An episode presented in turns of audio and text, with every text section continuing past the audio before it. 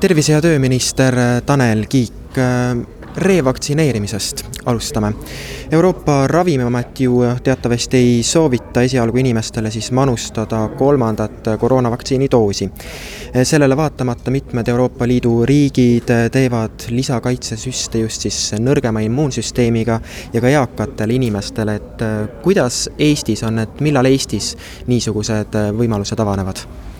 Et oleme seda küsimust arutanud nii Teadusnõukojas, Terviseametiga, riikliku immunoprofülaktika äh, ekspertkomisjoniga ja korduvalt ka valitsuse tasandil. et äh, kindlasti veel sel aastal alustame nii-öelda lisadooside ja tõhustusdoosidega vaktsineerimist, eeskätt siis riskirühmadele ehk nõrgema immuunsusega inimestele, terviseasutustes, hoolekandeasutustes elanikele, töötajatele ja eakamatele, kellel tõesti siis vaktsineerimisest on juba rohkem aega ka möödas.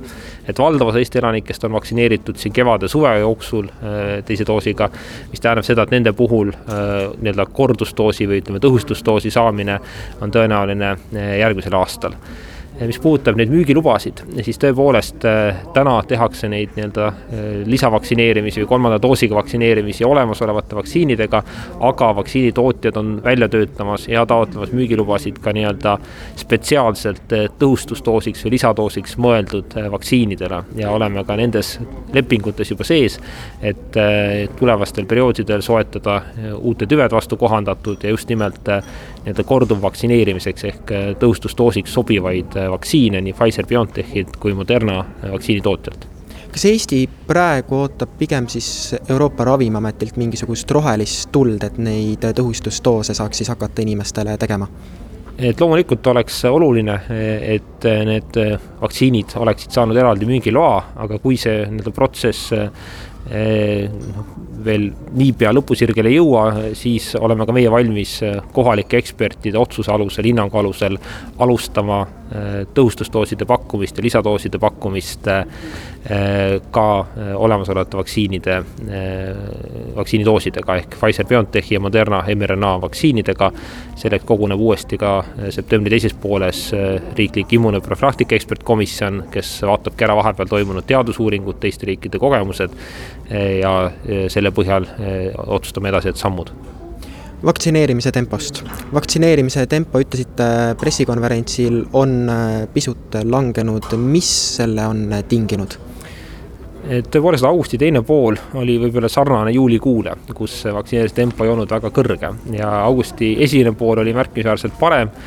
kindlasti siin omajagu mängis rolli asjaolu, et käivitusid ka erinevad nii-öelda Covid tõendi nii-öelda Covid tõendi reeglid ehk erinevatel üritustel, tegevustel hakati oluliselt laiemalt äh, Covid tõendit küsima, et see tõenäoliselt motiveeris paljusid äh, seni kaheval olnud inimesi selle kaitsesüsti ära tegema.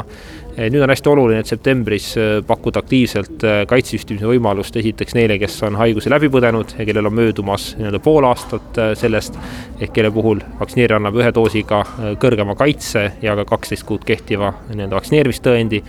Samuti, et pakkuda võimalust koolikeskkonnas, haridusvaldkonnas kaksteist pluss vanuses õpilastele ja ka kooliõpetajatele ning võimaldada vaktsineerimist võimalikult paljudele tööandjatele töökohtades, neile, kellel on vähemalt siis viis töötajat, kes võiks olla sellest huvitatud. lisaks teevad tavapäraselt tööd nii perearstikeskused, pereõed, erinevad haiglad, terviseasutused, liiguvad ringi jätkuvalt ka vaktsineerimisbussid, erinevad kohad ka kaubanduskeskustes. ehk me teadsime, et iga järgmine protsent on raskem kui eelmine, aga see ei tähenda, et me kuidagimoodi lootust kaotamas oleksime lõpetuseks niisugune küsimus, see küsimus tekkis meil toimetuses, nimelt meie, minu tore kolleeg Romi Hasa käis täna hommikul bensiinijaamas tankimas. ja temal tekkis küsimus, et kas ma pean bensiinijaamas kandma maski, kui ma lähen sinna sisse, ostan endale selle kohvi, hot dogi, mis iganes et kas ma pean olema valmis selleks, et kandma maski ja kas ma pean olema valmis selleks, et äh, seal kontrollitakse Covid tõendit? Covid tõendit eh, kütusejaamades ei kontrollita, eh, maski kandmine on mõistlik. suur aitäh teile, tervise- ja tööminister Tanel Kiik! aitäh!